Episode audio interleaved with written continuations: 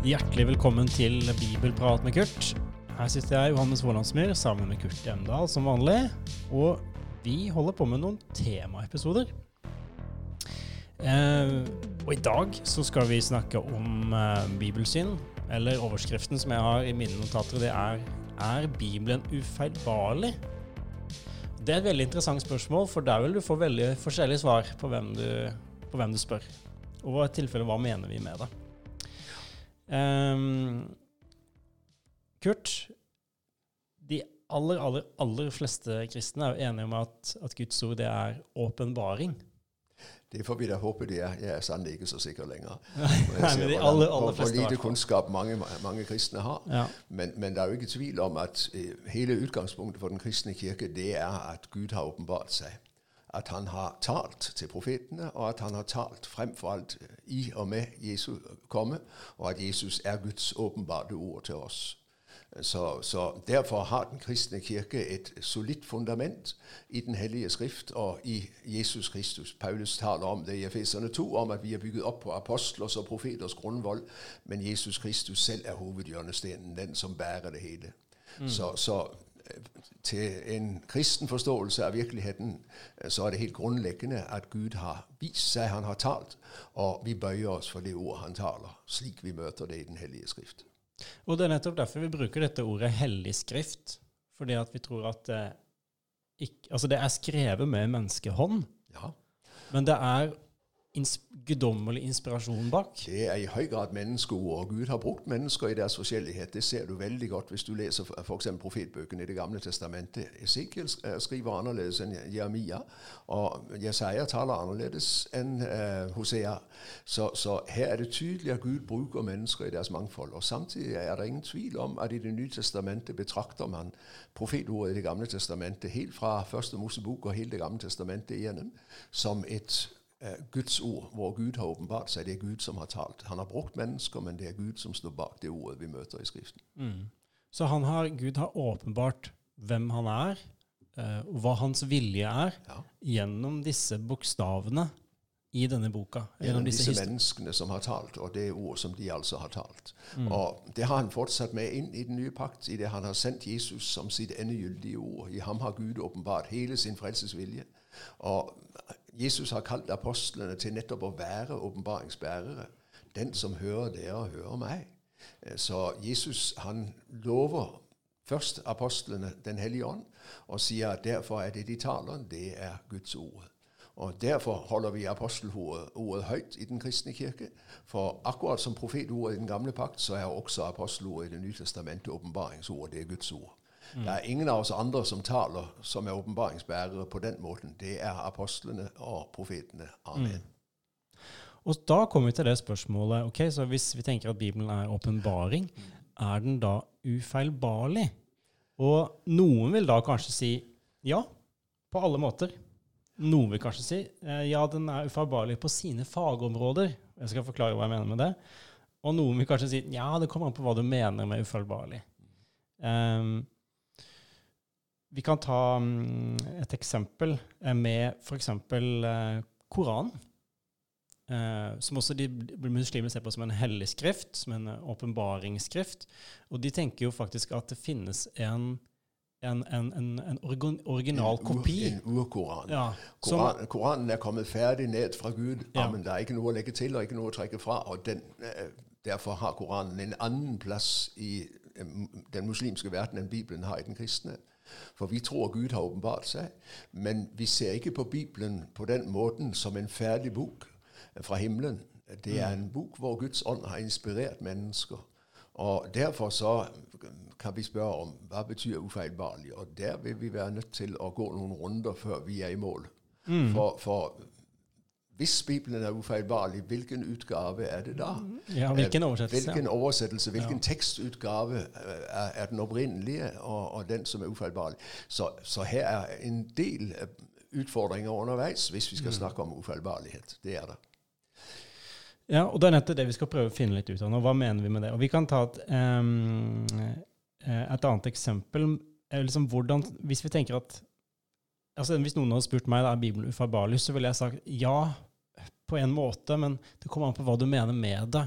Jeg tror jo at, at f.eks. når Jesus, uh, Jesus sine ord i Nyttestamentet Jeg tenker at det var ikke nødvendigvis akkurat sånn sa, Jesus sa det. For det første, jeg leser det jo på norsk. Men jeg tror likevel at det er bærer av, av guddommelig åpenbaring i orda, selv om det ikke nødvendigvis er akkurat sånn Jesus sa det. Og Hvordan får man det til å gå opp, vil kanskje da noen svare da, hvis ikke det var akkurat sånn Jesus sa det? Eh, og Derfor må vi jo spørre om ufeilbarlighet er et godt ord i mm. forbindelse med Bibelen, fordi det har noen eh, ting knyttet til seg mm. som ikke er så enkelt å forholde seg til. For ufeilbarlig, det er fullkomment, ikke sant? Mm. Eh, Gud har brukt mennesker, og han har talt et autoritativt ord som vi finner i Skriften. Eh, ikke alt som står i Bibelen, er like autoritativt på den måten at Bibelen er ikke en lærebok i geologi og i uh, naturvitenskap. Uh, Bibelen er en teologisk bok som taler om hva Gud har gjort, og hvem Gud er. Og Derfor tror jeg allerede der at vi må si at de som vil hevde at Bibelen er ufeilbarlig, uansett i alle sammenhenger, de lander i veldig store problemer. Mm. For de sier på en måte at her nytter det ikke for naturvitenskap eller uh, vitenskap mm. i det hele tatt å si noe som helst, for, for uh, det når ikke frem. Mm. Uh, ble verden skapt 6, for, for 6000 år siden, eller er det riktig når vitenskapsmennene taler om millioner av år bakover? Mm. der tror jeg vi er nødt til å si Bibelen er ufeilbarlig i den forstand at det budskap den formidler om frelse i Jesus Kristus, det er ufeilbarlig. I ham mm. er det frelse og han er den eneste frelser. Mm. Men når det gjelder andre fagområder, som f.eks. geologi og naturvitenskap, eh, så har Gud overlatt det til oss å jobbe med det og finne ut av hvordan er verden blitt til sånn som den er. Hva består den av, ikke sant? og hva kan vi finne ut av ved å granske i den? Mm. Det vitenskapen aldri kan svare på, og som Bibelen kan svare på, det er hvor kommer jorden fra? Det er Gud som har skapt den. Mm. Det er en åpenbaringssannhet. Det er ikke en vitenskapelig sannhet, men det er en åpenbaringssannhet. Mm. Og her hender det at åpenbaring og vitenskap støtter sammen. Det trenger de ikke å gjøre. For vitenskapen kan ikke si hvem som står bak. Den kan si hva som er, men, og at det er. Men hva var det som gjorde at det ble? Mm. Her kommer åpenbaringsordet og sier det var Gud i sin personlige vilje som skapte og som ville det. Mm. Så, så Nei, dette er ikke enkelt. Men vi tror at Bibelen har et autoritativt ord som vi bøyer oss for. Og vi tror at Jesus Kristus er kjernen og sentrum i det ordet. Og mm. Derfor sier Paulus i 2. Timotius 3 at det er en bok som gjør deg vis til frelse ved troen på Jesus Kristus. Bibelen er først og fremst en lærebok i frelse. Så er jo Bibelen en bok som er veldig mangfoldig. Altså den eh, består av en rekke bøker skrevet over en lang tidsperiode. Og den består også av mange ulike typer sjangere. Mm. Og det opplever jeg kanskje få kristne som tenker over når de leser. Eh, at det er faktisk veldig mange ulike sjangere i denne boka. Noen, noen, bøker er på en måte ren historiefortelling. Altså nesten sånn historiske dokumenter der man skriver ned ting som skjedde. Og man kan lese f.eks no, eh, i, i, kongebøkene og lese om grusomme hendelser og tenke hvordan kan dette være Guds ord? ikke sant? Men det er fordi at det er beskrivelse av ting som har skjedd i verdenshistorien. Jo, og så eh, er det helt klart at ikke alt i Bibelen har like stor tyngde. Eh, Bibelen har et sentrum, og det er ordet om Jesus. Mm. Uh, det er ikke likegyldig hvor du leser i Skriften. Det er helt klart at leser du Forkynneren eller Høysangen, så har ikke det den samme tyngde som når du leser evangeliene og Paulusbrevene. Så, så også Bibelen har et sentrum og en periferi, og det er viktig å være klar over. Mm. Slik at det ikke vier alt like stor vekt. Eh, Bibelen selv må få lov å, Det er et gammelt prinsipp i Kirken. Bibelen må få lov å fortolke seg selv. Og da må Bibelen også selv få lov å peke på hva er det den fremfor alt ønsker å si, og hva er mindre viktig i det den ønsker å si. Mm. Og, Det betyr ikke at vi skal skjære ut noe, men det betyr at vi vil aldri bruke like mye, på, uh, like mye tid på å lese ordspråkenes bok i Det gamle testamentet som å lese f.eks. Romerbrevet i Det nye testamentet. Mm. For her er det forskjell på hvor tyngden ligger. ikke sant? Mm. Eh, vi har et eksempel for som jeg har lagt merke til når jeg har lest Nytestamentet. Um, det er dette her med forklaringa på hvorfor denne åkeren heter Blodåkeren. Eh, sånn som du får Altså, du snakker om Judas og hans død. Ja. Ja. Så heter det blodåkeren fordi Judas dør ved denne åkeren, eller heter det blodåkeren fordi at den ble kjøpt med blodpenger, som er den andre forklaringa? Ja. Og det tror jeg kan være begge deler. Jeg tror ikke det går an å si det ene eller det andre. Nei, ja, for at noen, jeg opplever at noen jobber jo veldig hardt her for å få det her til å passe sammen. Ja. Men der, vil du oppdage også at hvis du leser f.eks. de fire evangelier, så er det helt tydelig at i de tre første evangeliene, Matteus, Markus og Lukas, så innstifter Jesus nadveren i det man spiser påskemåltidet. Men når du kommer til Johannes evangeliet, så er det helt tydelig at påskemåltidet det blir først feiret den kvelden da Jesus dør på korset. Altså, Her blir ikke Johannes og de tre første evangelier enige om hvilken dag Ja. Jesus innstifter nadveren, eller når påskemåltidet feires. Så, så her er ting som I det, det er mennesker som har talt, eh, så, så står de der uforlikt ved siden av hverandre. og Jeg tror vi er nødt til å la dem gjøre det. Men jeg opplever at det er en veldig forskjell på om du kommer til Skriften med den holdning nå skal jeg se om jeg kan finne noen feil, eller om du kommer med den holdning dette er Guds ord, og derfor bøyer jeg meg for det, også selv om det er ting jeg ser ikke uh, uten videre går opp for min tanke. For noen vil jo det kanskje på en måte være utrolig utfordrende å oppdage disse her feilene, for å si det på denne måten, da, når man leser. Og tenker, ja, men hvordan kan det da være Guds ord når det ikke på en måte er helt knirkefritt, eller helt, problem, eller helt sånn ufeilbarlig, for å bruke det ordet, da. Men i hvert fall sånn som jeg tenker, er at budskapet er ufeilbarlig. Men kanskje måten det blir levert på, er ikke nødvendigvis ufeilbarlig. Og de som har lært om hvordan Nytestamentet ble til, har jo kanskje fått med seg det at, at den bibelen, vi, vi, norske bibelen vi sitter med i hånda, det er jo en oversettelse av eh, en gresk eh, utgave som er blitt sam, satt sammen igjen av flere hundre småbiter. Og mange, mange håndskrifter. Ja. Ja. Neida. Så, Så, så, så, så, derfor og der er det, men, det er men, altså mennesker som meg og deg, Kurt, sikkert bare enda, enda gløggere, hvis eh, som da har via livet sitt til å prøve å finne ut de mest troverdige eh, sammenflettinga av alle disse her eh, håndskriftene til det som på en måte blir den som oversetterne bruker når de skal oversette fra gresk til norsk. Den mest troverdige Ja. teksten. Og, og etter alle vitenskapelige metoder, vel å merke, her bruker man virkelig hodet og fornuften ikke sant, for å Mm. komme frem. Eh, Jeg tror det er eh, Guds ord vi møter i Skriften, men jeg tror det er veldig viktig å være klar over at Skriften har en menneskelig side.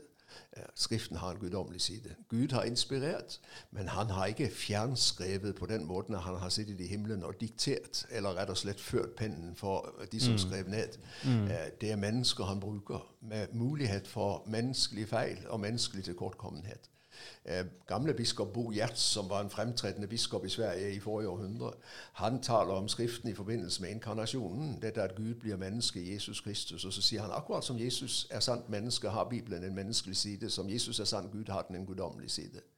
Jeg tror det er viktig for oss å være klar over dette er åpenbaringsordet. Vi tilber ikke Bibelen, sånn som eh, muslimene tilber Koranen. Vi tilber Jesus og Gud. Det er dem som har vår oppmerksomhet. Men vi møter dem ikke på annen måte enn gjennom det ord de har rakt oss gjennom profeter og apostler.